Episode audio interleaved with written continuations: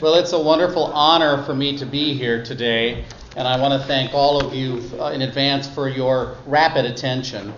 Uh, I do intend to read most of the paper. If I get a little uh, long, I'll slow down. And uh, that's why I put it in front of you. It, it allows me to speak a little faster if you have a written copy of it. So I'm just going to read, and uh, we'll stop for a breather halfway through, perhaps, or maybe not. I have been a pastor for 30 years and have had countless discussions, even arguments, with the members of my congregations over many topics of controversy. Upon reflection, I can say with certain confidence that most of these conversations have centered, not strictly speaking, in the articles of the faith. I do not regularly argue with my church members about what we believe. Rather, my church members tend to argue with me over matters of church practice. We do not dispute the question of infant faith. We discuss the practice of infant baptism. Such discussions may lead to the topic of infant faith, but they typically begin with the issue of the practice of infant baptism. We do not argue over the question of the headship of the man over the woman at some theoretical level or over the nuances of the orders of creation. We talk about the propriety of the practice of women preachers and women's ordination. I do not discuss with my parishioners the subtleties of the genus majestaticum and the implications of the communication of attributes to our understanding of the bodily presence in the sacrament. I must say, I've never talked about that. Rather, I explain why we treat the elements with respect in the sacrament by such practices as kneeling when we commune, disposing of the reliquiae in a dignified manner, celebrating the sacrament frequently, and insisting on the Lutheran practice that those who commune be examined and absolved. I have attempted to teach the doctrine of the mystery of the Trinity for 30 years, and I still do. But I've also drawn the conclusion that my people are taught the Trinity more fully by the practices of the church, such as starting the divine service with a Trinitarian invocation, speaking the Athanasian Creed on Trinity Sunday, and standing during doxological hymn stanzas which praise the Father, Son, and Holy Spirit. I do not constantly harp at my people about how important it is to have an orthodox doctrine of the ministry. Rather, I model what it means to be a pastor. I preach and I teach. I study the word of the- and theology. I wear my collar. I vest for the service. I pray with them in their homes, read the scriptures to them at their hospital beds, and commune them when they are sick or infirm. I practice my craft of being a pastor, much as a doctor practices medicine and a lawyer practices law. It is the practice of our religion that we are most fully known. In short, my people seem to understand the Christian religion far more in terms of the practices of the church than even sometimes in terms of doctrine. And I don't think that this understanding is such a bad thing. Two important principles. There are two general principles of the relationship between practice and doctrine which I will address today. First, church practices tend to picture or promote the central teaching of a given theological system. Doesn't matter if a particular theology is Orthodox or heterodox, Lutheran, Reformed, or Roman Catholic, this basic principle still is true. And the central teaching of a church usually is the way in which that particular church believes that the cross of Christ is made available to the sinner. So there's a soteriological function of church practices. Consequently, church practices are often not neutral. Every classical theological system of the West, from Lutheran theology to Roman, from Calvinistic to Baptist to Arminian, from Methodistic to Pentecostal, all theologies attempt to bridge the gap between cross and people. All these churches, at least traditionally, teach that Jesus died on the cross, and all teach that the sinner should somehow possess the blessings of the cross and resurrection. Where the churches differ is in their understanding of how the cross of Christ is applied to the sinner. Each of these classic expressions of Christianity has developed uh, church practices, or at least allowed one to develop, which promotes or pictures its unique understanding of how the effects of the cross of Jesus become the possession of the sinner. In the Lutheran system, God bestows the blessings of the cross through the gospel, word, and sacrament. So the practices of the Lutheran Church tend to center on word and sacrament. Within that system, which is called New Evangelicalism, or sometimes American Evangelicalism, the gap between cross and the human heart is bridged by the emotional experience of the ardent seeker. So, church practices tend to reinforce the experience of the Christian, the hour I first believed, as the old revivalist hymn says. Within the Roman system, the way in which the cross becomes mine is through the hierarchy of the church and a system of works within the framework of the organized church. Hence, the practices of that church tend to reinforce the Roman system of work righteousness. A church's soteriology is that locus where the church's dominant practices will appear. If church practices tend to serve a soteriological function within a given system, then clearly these practices have tremendous theological significance. Consequently, and this is the second principle of the relationship between doctrine and practice, there is a symbiotic relation between doctrine and practice. The two are more closely related, even interdependent, than is often realized. Doctrine affects practice, and practice affects doctrine. The two are so intimately woven together that when you change one, you will inevitably change the other, and sometimes without even realizing what has happened. You cannot introduce new practices without changing doctrine. You cannot change doctrine without introducing new practices. In my time with you today, I will first show how these two principles apply within the Church of Rome. It will be an obvious thing to you, when I will do so just so that you can see the application of these two principles easily. Then we'll examine how the Lutherans responded to Rome and developed practices which promote the Lutheran understanding of the gospel as the means of grace. Third, and this will be the most challenging, we will see how Reformed Arminianism has its own practices which promote the theology of Arminianism with an American twist. And I hope we will discover that aping or copying the practices of this theology will have dire consequences for us as Lutherans. A short case study Rome. Let's look at the dominant practices of the Church of Rome at the time of Luther. Rome will provide an obvious example of the soteriological function of church practices and at the same time show the deep theological import of its key church practices. In the Roman system, the papal selling of indulgences served the soteriological purpose of bridging the gap between the cross and sinner.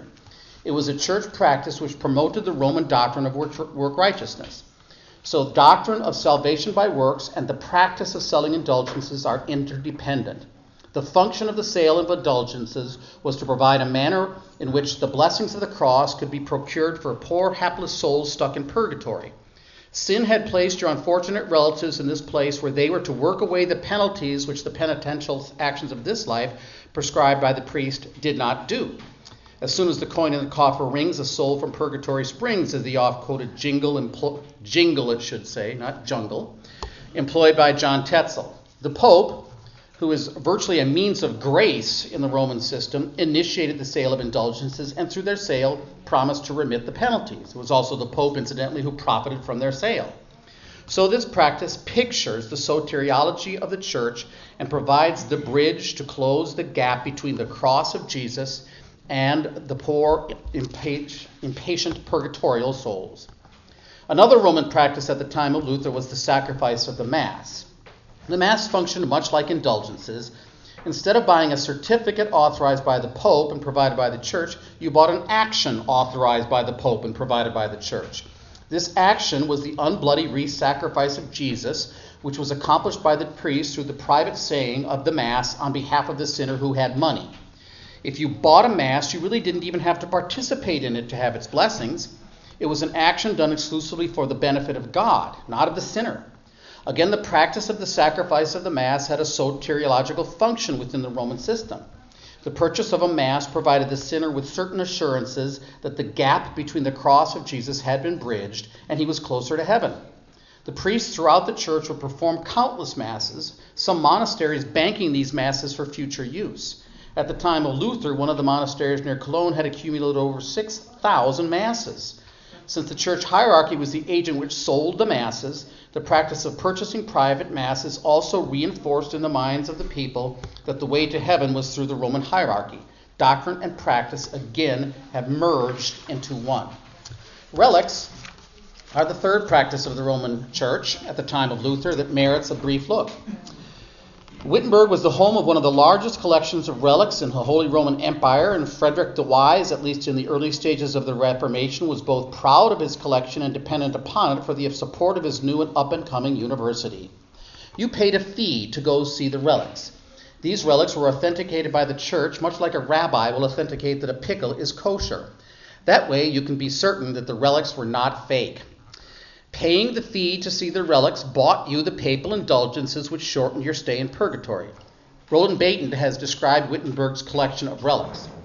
The collection had as its nucleus a genuine thorn from the crown of Christ, certified to have pierced the Saviour's brow.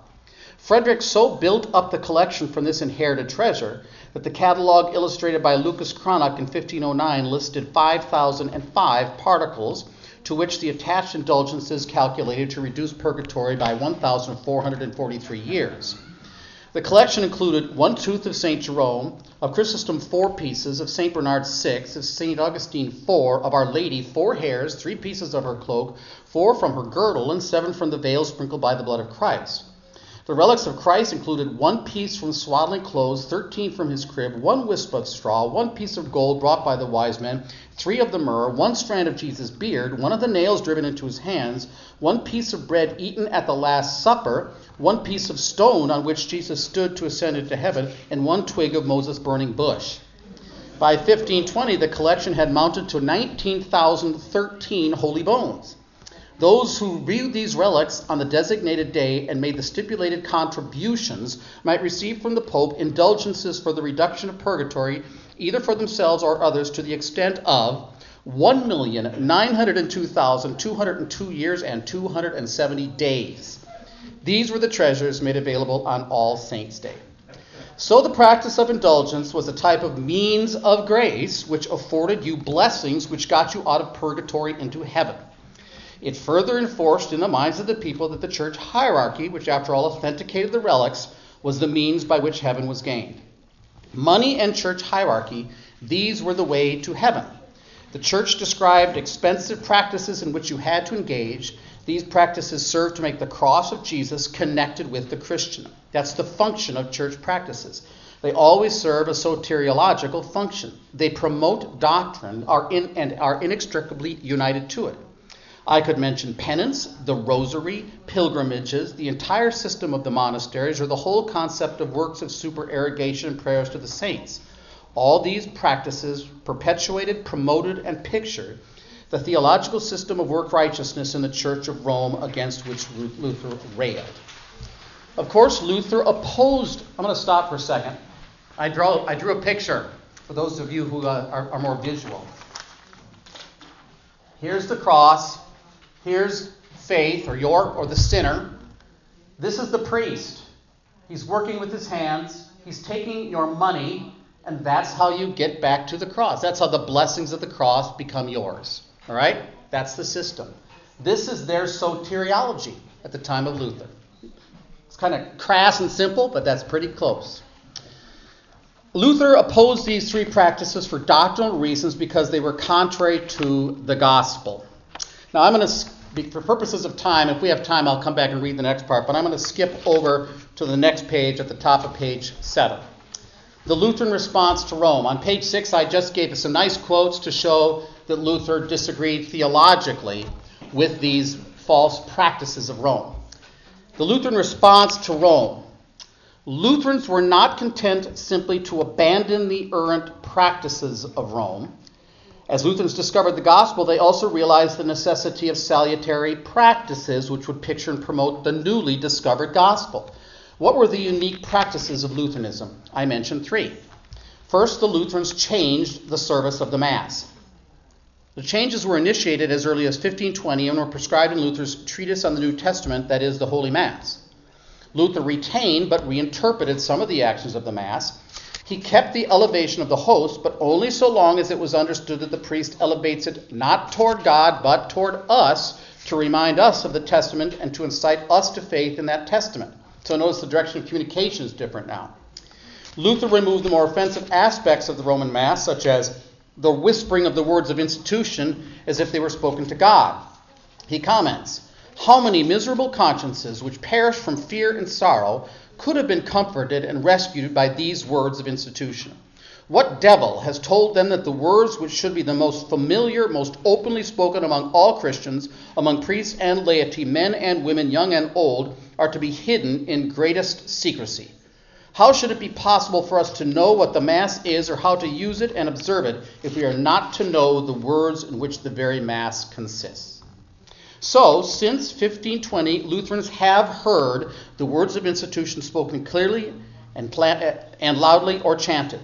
Since the introduction of the German Mass and order of service in 1526, Lutherans have enjoyed these words in their native tongue, another change in practice.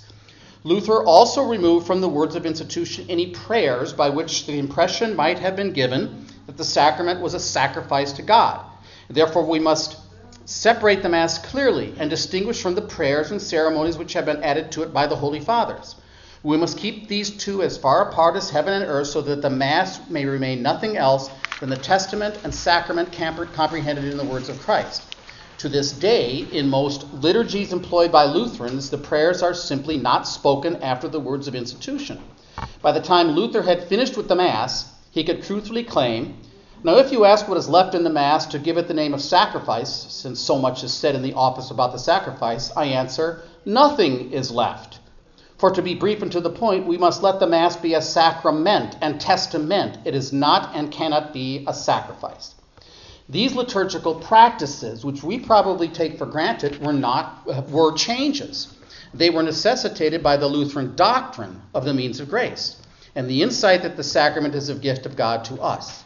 Our Lutheran soteriology then pictured and promoted in our liturgy of the sacrament of the altar. I could go on to mention the restoration of both kinds in the sacrament, or I could mention the habit of frequent communion among the Lutherans, where they honestly could claim among us, the Mass is celebrated every Lord's Day and on every, and other festivals when the sacrament is made available to those who wish to partake of it after they've been examined and absolved. Amongst, among us, the sacrament is used more frequently and more devoutly, for the people use it, but only after they've been instructed and examined. They're taught about the proper use of the sacrament, that it was instituted as a seal and testimony of the gracious forgiveness of sins. These examples will demonstrate the necessity of placing the practice of offering the Mass among the of replacing the practice of offering the Mass among the papists with the giving of the sacrament on the Lutherans. Soteriology was at stake. The importance of communion only upon instruction and examination forced upon the Lutherans a second practice. Once the Lutherans realized that trust in the merits of the words of Jesus was necessary in order to receive the sacrament worthily, they also realized that pastors must teach this faith, and the best tool for teaching was the catechism. Therefore, pastors and preachers take note our office has now become completely different, one that it was under the Pope.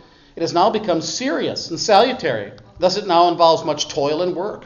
My dear sirs and brothers who are either pastors or preachers, I beg all of you, for God's sake, to take up your holy office boldly to have pity on your people who are entrusted to you, and to help us bring the catechism to the people, especially the young. The catechism was to be memorized word for word without changing the wording, and later, once the people have learned the text well, then teach them to understand it too, since they know, so that they will know what it means. This was a revolutionary understanding of the office of the ministry, yet a task which today I trust we take for granted. And what a salutary practice it is. I've had conversations with Protestant pastors who expressed envy that among some of the Lutherans in America, it is simply assumed that the children will spend two or three years learning both the words and the meaning of the catechism in anticipation of receiving the sacrament. It's a practice which has served the children of the church well over the years, and it's a practice which is intimately connected with our understanding of the way of salvation. Christ becomes ours through the teaching of the Word. A third practice of the Lutherans worthy of note Lutherans have always practiced uniformity among the churches in worship practices, particularly when it comes to the divine service. The reason is clear. We believe that the Word and Sacrament bestow the forgiveness of sins upon us, unworthy though we are.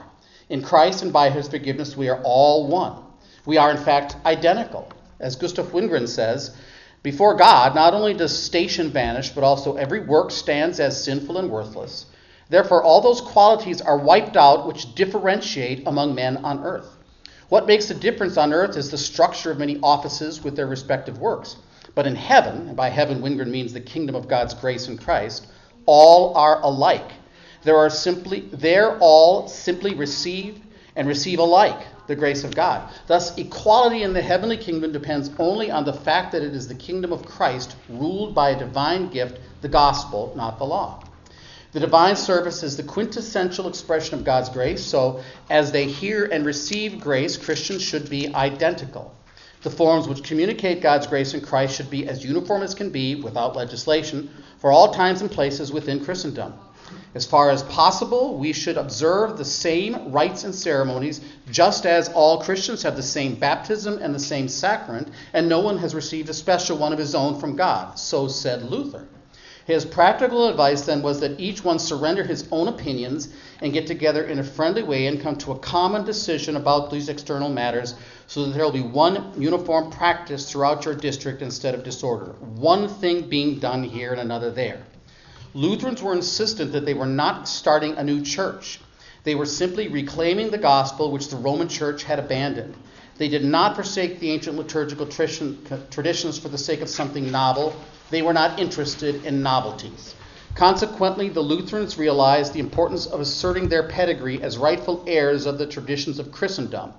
If their fathers used certain forms, so would they, provided these forms did not obscure the gospel. So Luther advocated the retention of the church's historic collects and offertory, as well as the elevation of the host. And the Augsburg Confession boasts at the outset, it is again necessary by way of preface to point out that we do not abolish the Mass, but religiously retain and defend it. We also keep traditional liturgical forms such as the order of reading, prayers, vestments, and other similar things. The next uh, page is about how Lutherans in America wanted to retain uniformity among in worship, and let's skip to the top of page 11.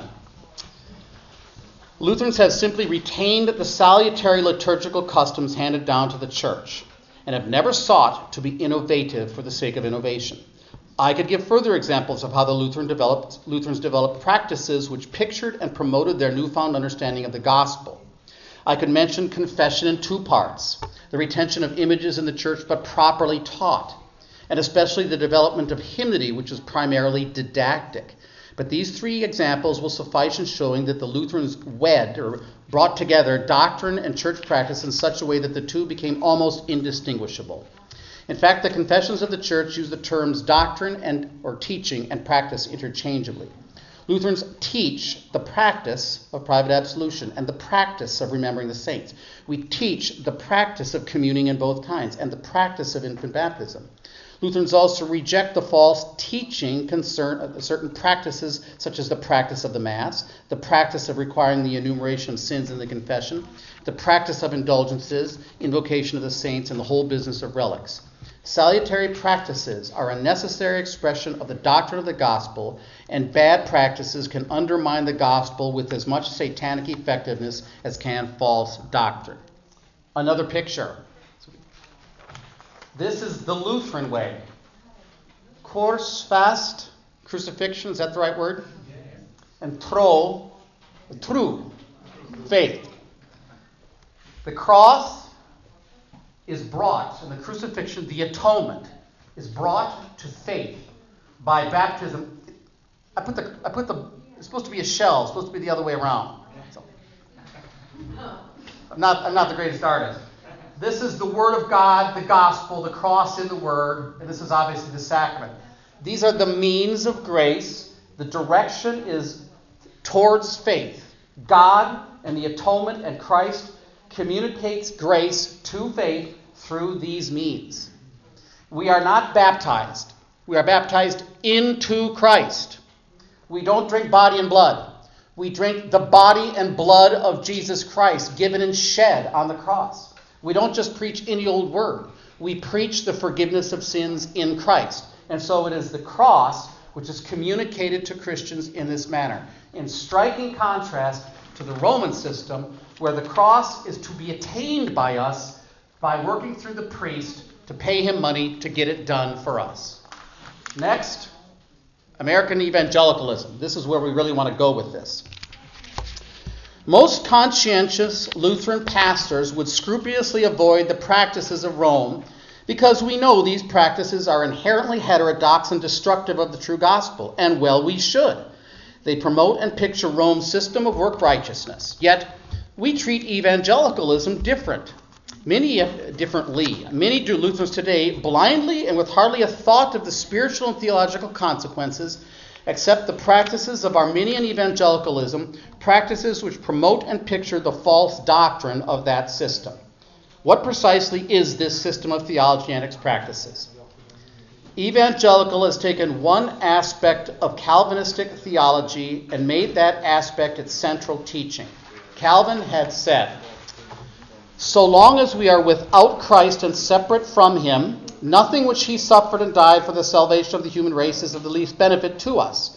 And although that it is true that we obtain faith, yet as we see that all do not indiscriminately embrace the offer of Christ which is made by the gospel, the very nature of the case teaches us to ascend higher, to inquire into the secret power of the Spirit, through which we enjoy, enjoy Christ and all of his blessings. The secret power of the Spirit. This secret power of the Spirit became key for the Reformed in America. John Calvin believed that the sovereignty of God was the central article of the Christian faith, and he defined all the articles of faith by it. Consequently, he believed that God was sovereign over the gospel itself. The word was not inherently powerful to Calvin. It became powerful and blessed with the Spirit's attendance when and where it pleased the sovereign God. Nothing is affected by the word without the illumination of the Holy Spirit. The word cannot penetrate into our minds unless the internal teacher, the Spirit, make way for it by his illumination. This unpredictable illumination of the Spirit was for Calvin his secret power. At first, American Protestants embraced the strictly Calvinistic understanding of the secret power. So, Jonathan Edwards, arguably the greatest 18th century American preacher and thinker, claimed that the divine word conveys to our minds these and those doctrines, but not the sense of the divine excellency of them in our hearts, but that due sense of the heart wherein this light formally consists is immediately by the Spirit of God. When the Spirit of God alone decides the efficacy of the means, rather than the other way around, as in Lutherans, Lutherans would say, not that the power of God decides the efficacy of the means, but that the gospel is the power of God, and the gospel determines the power of God when you can preach the gospel well enough in Calvin's system, but God may not sovereignly decide that he wants the gospel to be powerful or authoritative on any given day. But the spirit of human free will and autonomy, along with the American ideal of individualism, swept the New World in the aftermath of America's Revolutionary War, which was 1776. Consequently, over the next 50 years, Calvin gave way to Arminius in America. William Warren Sweet, the most industrious and tireless fact finding historian of the churches in early America, claims that two types of Protestant churches existed in Europe at the time of the great immigrations to America. He calls them right wing churches, which were the established churches in the Old World, and left wing churches, which were not. While both types of churches crossed the Atlantic, it was the left wing churches which made the greatest contribution of thought and life to the New World. According to Sweet, the influential left wing churches stressed the inner personal character of religion, played down the church's institutional character, and placed much less stress upon creeds and sacraments. These left wing churches evolved into American evangelicalism. William McLoughlin has defined evangelicalism as the story of the decline of Calvinism, the Protestant Counter Reformation against deism, and the emergence of a new theological consensus on Arminian principles which prevailed between the Second Great Awakening and the rise of modernism. Paul Conkin adds to the definition the evangelical emphasis on the necessity of a crisis like conversion experience. George Marsden claims that revivals mark the beginning of the attempt to build a new Christian community united by intense feelings. So, evangelicalism is a non creedal, non sacramental Arminian branch of the Reformed Church united by a belief in intense emotional experience of faith. The practices which were developed by evangelicalism are not difficult to predict. I will analyze only three of them the cultivation of personal experience as the assurance of grace, praise worship services, and speaking in tongues. First, personal experience as a mark of grace. New World Protestants could not be certain of the presence of the Holy Spirit in the preaching of the gospel. Unlike Lutherans, who assert that the Spirit is always and inherently present and working in the words and sacraments of Jesus, these divines craved some type of sign which would let them know that their work was not completely in vain. Over time, these churchmen began to identify the sureness of the Spirit's activity through certain recognizable stages of conversion and they carefully tracked the precise manner in which their parishioners experienced what has been called the morphology of conversion. Since a person might have the necessary historical understanding without having known the secret power of the Spirit, as Calvin had said, it was necessary for any true church member to be able to testify to having experienced a certain pattern in his conversion. Edmund Morgan has described this morphology of conversion. First comes the feeble and false awakening to God's commands and a pride in keeping them pretty well, but also much backsliding. Disappointments and disasters lead to other fitful hearkenings to the word. Sooner or later, true legal fear or conviction enables the individual to see his hopeless and helpless condition and to know that his own righteousness cannot save him, that Christ is his only hope. Thereafter comes the infusion of saving grace, sometimes but not always so precisely felt that the believer can state exactly when and where it came from. A struggle between faith and doubt ensues, with the candidate careful to indicate that his assurance has never been complete and that his sanctification has been hampered much by his own sinful heart. By the time of the Great Awakening in the 1730s, a hundred years after the arrival of the first Puritans, this morphology was completely entrenched in the ecclesiastical and social fiber of New England. The practice of evangelicalism has always been to cultivate a religious experience as the ground of faith. Now, notice it is not the gospel and the sacraments, what is the ground of faith, it's the experience, which is the ground of faith. In the early 1800s, when the Second Great Awakening occurred, the morphology of conversion had evolved to the point that extreme emotional experiences were considered mandatory for full assurance of God's grace. The man who codified the experience was a pastor named Charles Finney.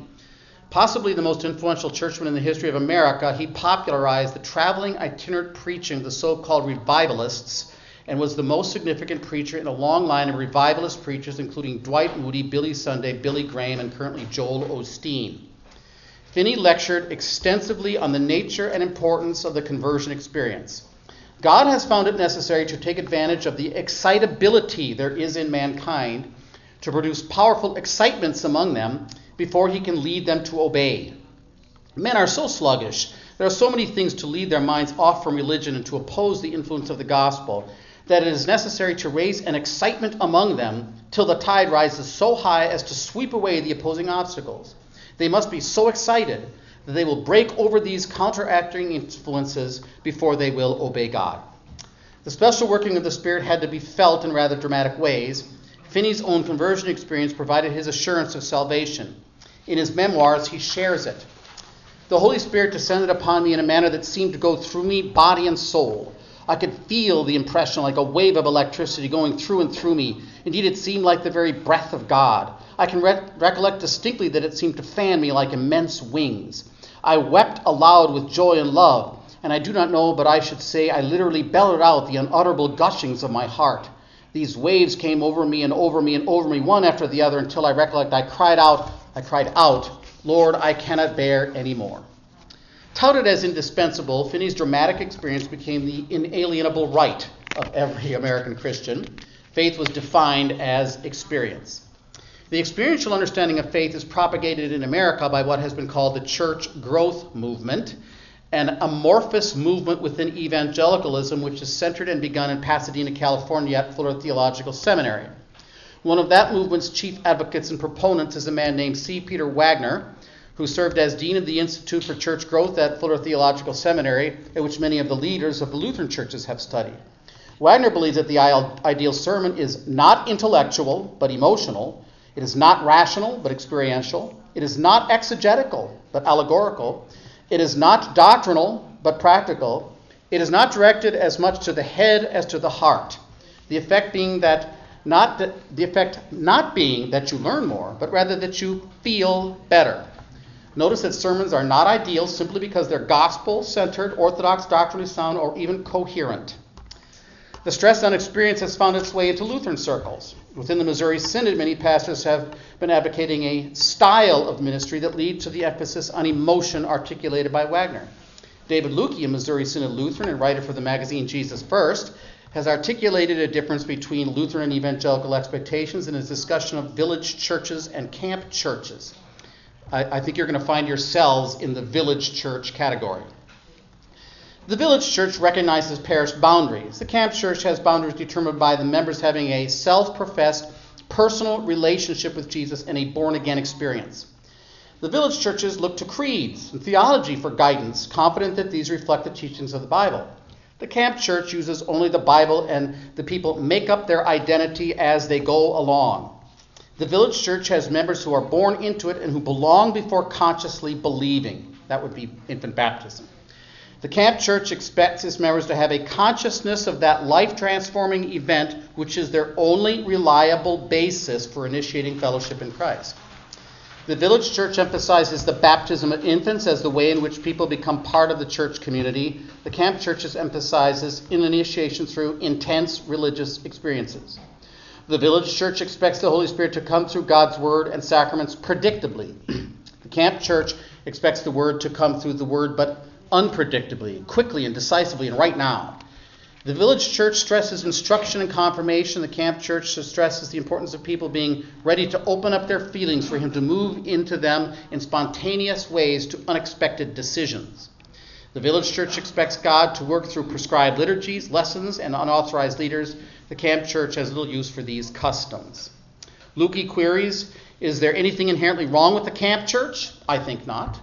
Which is the right view? I believe Scripture allows both ways which is the right view, they both can be. Luther's comments should be sobering for those Lutheran pastors and congregations who've been lifelong Lutherans. The danger which this type of thinking poses should be obvious. If we would take his advice, the practices of our churches would be radically changed. Gone would be prescribed liturgies, lessons, and authorized leaders. Gone would be the practice of teaching the text of the catechism before a conscious understanding of it is achieved. Sooner or later, the practice of infant baptism would be gone, since the sacrament clearly initiates a person to church membership before there is a consciousness of life changing event. Gone would be the creeds, for these formal expressions of faith are not the best way to confess the faith, according to Luecke. He says, an alternative used by many other Christians over the centuries is experiential language, expressing faith in terms of personal experience. Such language phrases, such language has phrases like, "This is what God did in my life," Here's how I found new peace in the Lord. I found new meaning in the gospel when. When I'm getting to know individual Lutherans better, I found it productive to inquire when they felt closest to God or what they remember as a mountaintop spiritual experience or when their faith means the most to them. In fact, if Luecke's camp church paradigm prevails among Lutherans, then all Lutheran distinctives, all Lutheran tradition, the entire Lutheran ethos, the Lutheran understanding of the means of grace, all Lutheran doctrine, the Lutheran Church itself, and, not to put too fine a point on it, the saving gospel of Jesus are in jeopardy. We'll skip the next part, which is more of the same, and uh, go down to the middle, middle paragraph on page 17. American evangelicalism does not simply disparage the Lutheran doctrine of the means of grace. Rather, the movement also attacks such ancient Lutheran practices as the use of creeds, liturgies, ordination, the confession, the sacraments, church orders, and the catechism. Why? Because these practices promote the Lutheran doctrine of the means of grace just as effectively as textbooks on Christian doctrine. And the evangelical community has at least a tacit understanding that our practices conflict with their understanding of experience as the indicator of the true church. The entire discussion is soteriological to the core, even though it is often expressed in matters of church practice. The second item among the evangelicals is praise services. With its understanding of faith as a conscious, heartfelt experience, American evangelicalism views the function and practice of the divine service in a manner completely different from Lutherans. Martin Luther saw the function of the divine service primarily as God serving us, divine service, his word and sacrament for the forgiveness of sins. Certainly, we responded with thanksgiving and confession, but the service was primarily a gift of God to us. We are primarily hearers and receivers in the divine service. That's what worship is. Faith, these are from the confessions now, Faith is that worship which receives God's offered blessings. It is by faith that God wants us to be worshiped, namely that we receive from Him what He promises and offers. The woman who washed Jesus' feet came believing that she should seek forgiveness of sins from Christ. This is the highest way of worshiping Christ. Nothing greater could she ascribe to him. By looking for forgiveness of sins from him, she truly acknowledged him as Messiah. Truly to believe means to think uh, of Christ in this way, and that and it is this way to worship and take hold of him. The service and worship of God is to receive good things from God. The highest worship in the gospel is the desire to receive the forgiveness of sins, grace, and righteousness. With this understanding of worship, the Lutherans concentrated on preaching the gospel and administering the sacraments. It did not worry the early Lutherans that word and sacrament were communicated in forms that varied little from place to place or week to week. One Lutheran, uh, American Lutheran theologian of the early 20th century put it this way It is folly for the servants of the word to cast about how to reach men's hearts, how to fill the pews, how to bring people to the fear of the Lord. It is folly to suppose they may discover they must discover new power, finding new content for their sermons, or try this or that new method. The hammer that breaks the rock in pieces has not been cast aside. It needs only servants to carry it among men. And the hammer that, rock, that breaks the rock to pieces is obviously the law and the gospel. In fact, it was the sameness of the liturgy which often was extolled by Lutherans as a proper vehicle for the Holy Spirit. American evangelicalism, on the other hand, since it has defined faith as primarily a heartfelt emotional experience, must view the Sunday service as that event which brings about the active personal experience. The emphasis was on a concrete personal conversion experience, and the revival worship service was the means employed to bring about the experience. George Barna, church growth advocate, prolific church pollster, and analyst, stresses the importance of the worship service in bringing people to Christ, but he warns that half of all regular church going adults admit that they have not experienced God's presence at all any time during the past year. This lack of his claim can be remedied when people are moved physically, emotionally, or intellectually by the worship experience, and when they encounter God and have an undeniable sense of his presence. So, what can a church do to make sure that the worship services effectively move people to encounter God? Barna answers this question. The people who attend a worship service should be ushered into his presence through an intentional effort to make God's presence palpable. Notice that it's not unbelievers who lack the experience Barna desires. It is churchgoers. Countless Christian people may be hearing the gospel and receiving the sacrament on a regular basis and still lack the presence of God, according to Barna. Since the function of the service is to make God palpably and experientially present, it simply will not do for the divine service to be the same week after week. Unpredictability is what generates excitement necessary for conversion. So there is a strong movement across all churches in America to vary the service radically from week to week. One of the most significant novelties is the practice of singing praise songs for about 20 minutes at the beginning of the service. Easy listening music allows people to find a means of expression to God without having that flow disturbed by other forms of activity. It is a mistake to mis- assume that people are ready and prepared to worship when they first arrive on Sunday morning. Usually they need to wake up first. We believe that you wake up the body by waking up the bodies. So we intentionally choose a song with a strong, fast beat and a bright melody that can move people too. Once the worship leader reads the congregation and surmises that the people are integrated into worship, he then transitions from the music to the next part of the worship experience. The Lutheran practice of preparation through being examined and absolved is out. The evangelical practice of strong, fast beat and bright melody that wakes us up is in. Another worship practice advocated by many within evangelical community is that the language of the service must be in the heart language of the people who are there. Traditional church language is to be avoided, since those who are estranged from the church, often called de-churched, and those who've never been in a church would hardly know the Christian jargon. Kent Hunter, prolific church growth author and writer for the magazine Jesus First, puts it like this. To bring the gospel to Americans on their level, the communication path will have to take the form of country western culture, including country western songs with Christian content. Since surveys show that almost 70% of Americans enjoy soft rock or country music, the worship service should employ this style of music. The theory is that if you want to convert Willie Nelson, you've got to get Willie to listen, and that means playing Willie's music. What is popular in the world should be used by the church. Observe that these practices have nothing to do with receiving the word and sacrament and everything to do with creating the mood necessary for the inducement of religious experience. I was talking to Pastor Siedenval coming in the other night, and he was saying that many of the churches in Sweden, there's a lot of pressure to bring in contemporary Christian music, much of which is even sung in English in the churches. Is this, is it, if this is true, what a sad thing to import from America. We have better to offer than that, I would think. The effect and expectations this style of worship has created among Lutherans is tragic. Recently, a couple stopped by my church and identified themselves as Lutherans who just moved into the area. They wondered what types of church services we had.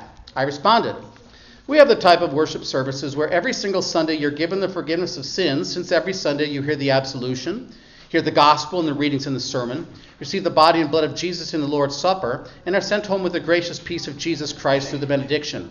Their faces fell. We were hoping you had some praise music. Apparently, the forgiveness of sins through the means of grace was not their heart language. This is the expectation of church going people who have been influenced by American evangelicalism. If we think worship style is not a fundamental soteriological question, we do so at the peril of souls. Obviously, every culture will use language, idiom, and musical forms which are understandable to that culture. That is not the issue.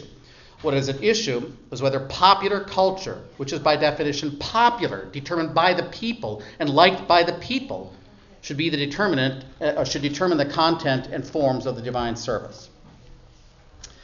The conversionism, which is focusing on my, my moment of conversion. The conversionism making its way into Lutheran circles is probably seen best, uh, most obviously, in the hymns that are sung. I speak anecdotally here. Recently, I was talking with an organist at a Lutheran church. During the upcoming service, we're going to sing, Dear Christians, One and All Rejoice. She commented that she was unfamiliar with the hymn. A Luther hymn, which is arguably the greatest didactic hymn ever produced, and has been included in virtually every Lutheran hymnal ever written, I would guess. And it is unequaled in teaching the way of salvation, yet a young Lutheran organist had never played it. At the same time, many polls indicate that Lutheran lay people in America constantly list Amazing Grace as one of their favorite hymns. Consider the lyrics of that hymn. It mentions nothing of the cross of Christ, nothing of the sacraments, nothing of forgiveness, not even the name of Jesus. It does, however, contain that quintessential American sentiment how precious did that grace appear the hour I first believed. This is the type of hymnody which will always be preferred in a system which stresses the conversion experience over confidence in the word and sacrament. Look at the two songs below. They're typical of the praise songs employed by many American churches. Observe how the focus is not upon the grace of God in Christ. We hear nothing of sacraments, word, or cross. Instead, the intense feelings of new evangelicalism are extolled. When we're gathered in his name, we will never leave the same. Love surrounds, joys abounds. We can know the Spirit came. In each heart he lights a flame when we're gathered in his name. You can almost, the second song, I can almost see your holiness as I look around this place with our hands raised up to receive your love. I can see you on each face. Spirit of God, lift me up. Spirit of God, lift me up. Fill me up again with your love. Spirit of God, Spirit of love, sweet Spirit of God. This means that you pass as if you go to church and you had a crummy week and you're kind of looking surly in the mouth, which all of you are right now. The Holy Spirit is just not there. I can't see him on your faces. These songs are not merely vacuous.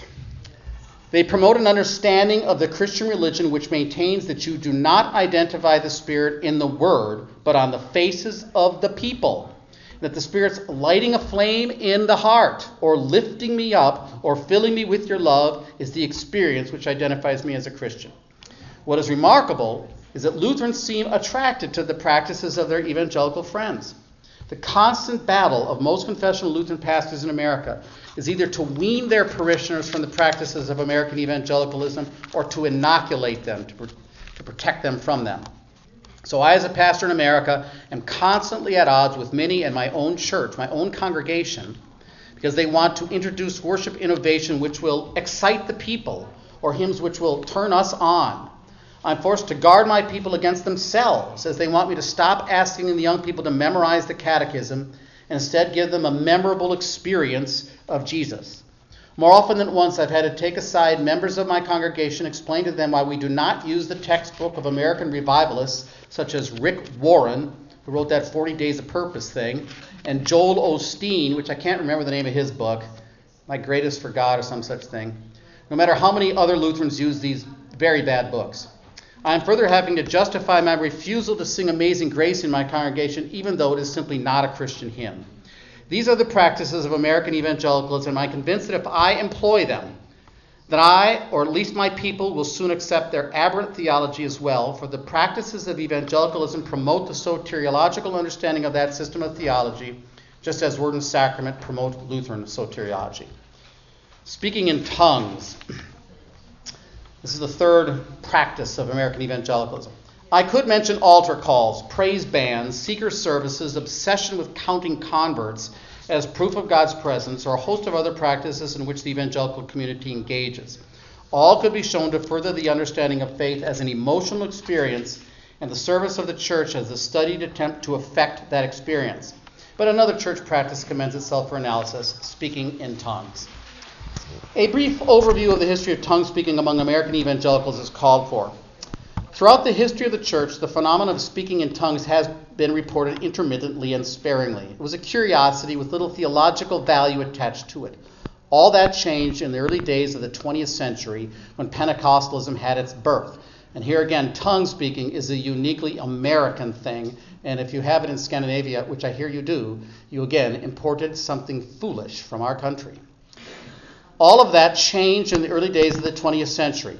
Agnes Ozman, a student attending Bethel Bible College in Topeka, Kansas, spoke in tongues.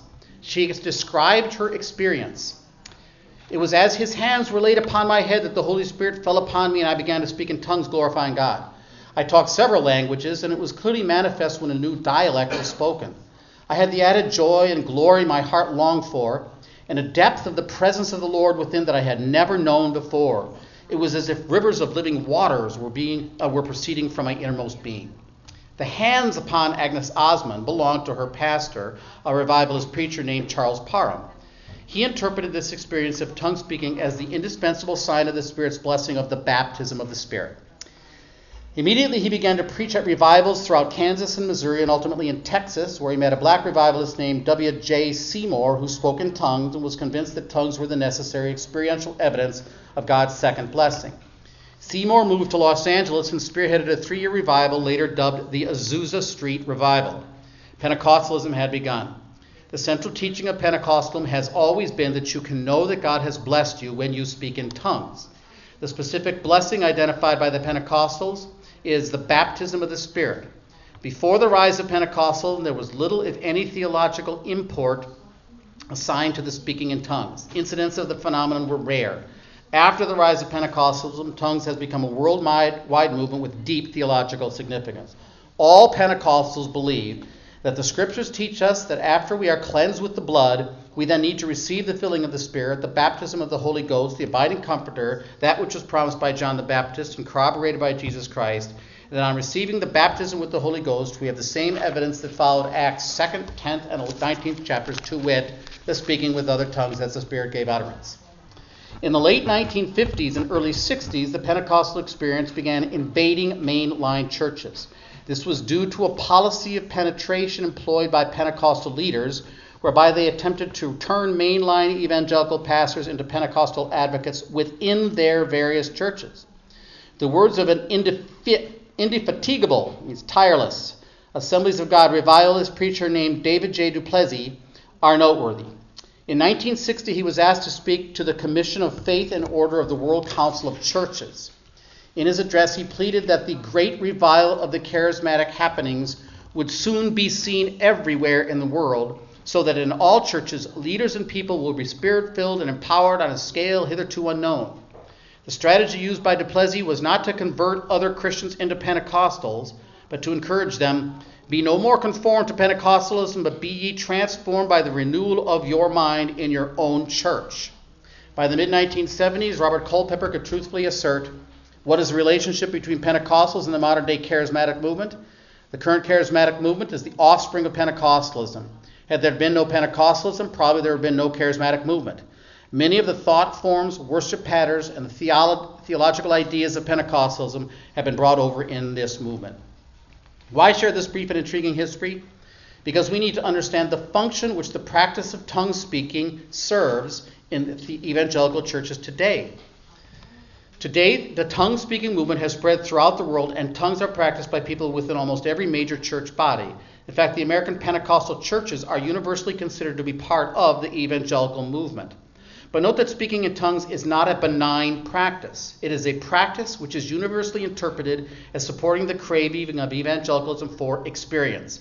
Tongues regarded simply as an isolated phenomenon rather, uh, rather than as an initial evidence of the baptism of the Spirit did not launch a worldwide reform and tongue speaking brings with it the worship patterns and practices of evangelicalism.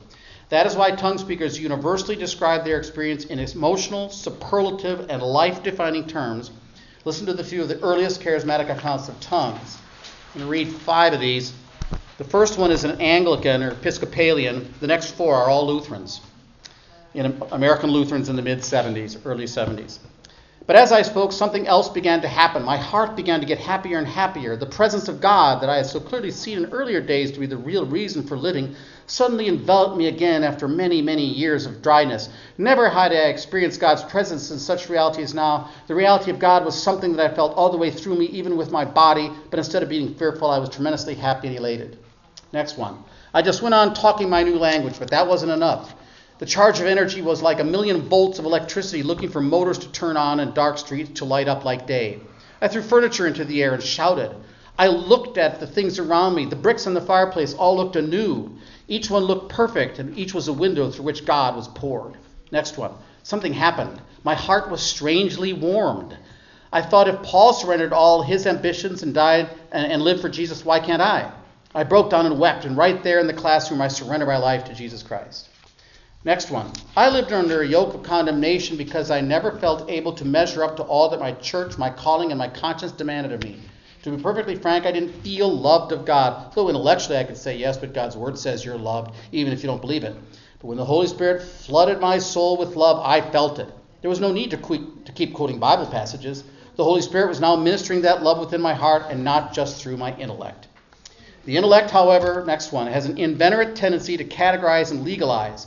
When the intellect steps aside, the Spirit can operate through this gift of tongues with a freer hand building us up.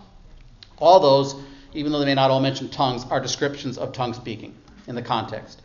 Notice that the practice of tongue speaking pictures, promotes, and perpetuates the soteriology of American evangelicalism. Individualism reigns since the experience almost always happens when you're alone with God. The emotions provide the assurance of God's love, and tongues the assurance of forgiveness. Quoting Bible verses have been replaced with the feelings of love within my heart. The effects of tongue speaking are also telling. Larry Christenson says that speaking in tongues introduces to the church the pneumatic factor, the non theological, the purely dynamic. Others claim that it lifts one spiritually on to a higher place with regard to assurance, prayer, Bible study, fruits, guidance, help, and comfort, or that Pentecostals become stronger in the faith in certain ways. The common denominator in all this tongue speaking episode seems to be this it has intensified the sense of the presence of God. The Word of God has become more contemporary, believable. Christ the Lord has become more real. In a word, faith has been strengthened. What has helped me the most, another quote, is that even though I've been a Christian all my life and attended church regularly since I was a child, I've never been sure I was forgiven my sins and would be acceptable to Christ. For many years, this has been a secret worry, only spoken to my pastor and most intimate friends. Now, I have the assurance that the Lord is with me, guiding me, comfort me in times of need. Notice in all of this that the practice of tongues is virtually indistinguishable from the theology of the movement which promotes it. Notice also again the soteriological importance of tongue speaking. Tongue speaking as a church practice was invented by the Pentecostals but eagerly adopted and adapted by American evangelicals a half century later. To those who practice it, tongue speaking is a means of grace. It is an experience which provides assurance of grace and forgiveness, guidance, happiness, the presence of God, a clear conscience, a stronger faith, relief of worries, and comfort. It replaces the word and sacrament in the life of the church, just as all evangelical experiences tend to do. Many evangelicals do not speak in tongues, and some have been avid critics of the practice as well as the movement which promotes it. Critiques of tongues movement has usually been made on an exegetical or even scientific basis but evangelicalism does not appear to have the theological capabilities within the system of its theology to resist the tongue movements or any movement which extols and promotes an emotional, spiritual experience as necessary to full Christian life. That's why the tongues movement was able to so easily penetrate American evangelical circles. Lutherans need to be aware of the deep theological import which the practices of evangelicalism poses. Their style is not a matter of indifference. Rather, the practices of evangelicalism are profoundly soteriological. Evangelicals extol experience as the essential assurance of God's grace. Number two, develop worship patterns which promote experiential Christianity. And three, practice or tolerate the archetypal, I think that's right, experience of evangelicalism, speaking in tongues. These practices picture, promote, and perpetuate the theology of Reformed, Arminian American evangelicalism. Conclusions. Oh, I got to show you the picture. All right, on this one, can you all see? This one you got to like. This is the cross. The direction is from the heart to the cross. This guy is speaking in tongues, la la la la la, you know, glossolalia, la la la la. Music helps me get back to God. This, the dynamic experience of Christians, all like this, helps us. That's all calculated to create an exciting experience to get you back to God, to get you to the cross. And if you read my book, I compared it to a rock and roll uh, concert. Who's been to a rock and roll concert? That gets you, I mean, it's very similar, gets you high in almost every way, and uh, that's, what the, uh, that's what the goal is. So let me make a conclusion now. How are Lutherans to respond to all of this? We should learn the lessons of the past. The Roman system of Luther's day promoted practices the sale of indulgences, the sacrifice of the Mass, and the collection and viewing of relics. These practices were attacked and exposed by the Lutherans. In their place, laudable customs were established. Liturgical changes were made. There is uniformity in worship. Catechetical instruction was enjoined, and the Lutherans realized that the Roman practices were false just as theirs were both true and necessary. The Lutherans, in fact, never distinguished between their doctrine and the practices which promoted it. Today, Lutherans should respond to the evangelicals in much the same way. First, we should recognize and believe that salvation was earned once for all by Christ through his vicarious life and death. This salvation is offered and bestowed through the ministry of the gospel and sacraments which forgive sins and create faith in Christ's salvation. So that we may obtain this faith, the ministry of teaching the gospel and ministering the sacraments was initiated, instituted. That is our soteriology. God creates faith through the same means that he employs to forgive sins. Faith and forgiveness through the gospel and sacraments, this is the key to the understanding of the Lutheran doctrine of salvation. Second, our practices should reflect this soteriology. We rejoice in the divine service of preaching the gospel and ministering the sacraments. We rid the divine service of anything which smacks of human works, preparedness, efforts, openness, striving, seeking, cooperation, emotionalism, enthusiasm, or any other human contribution.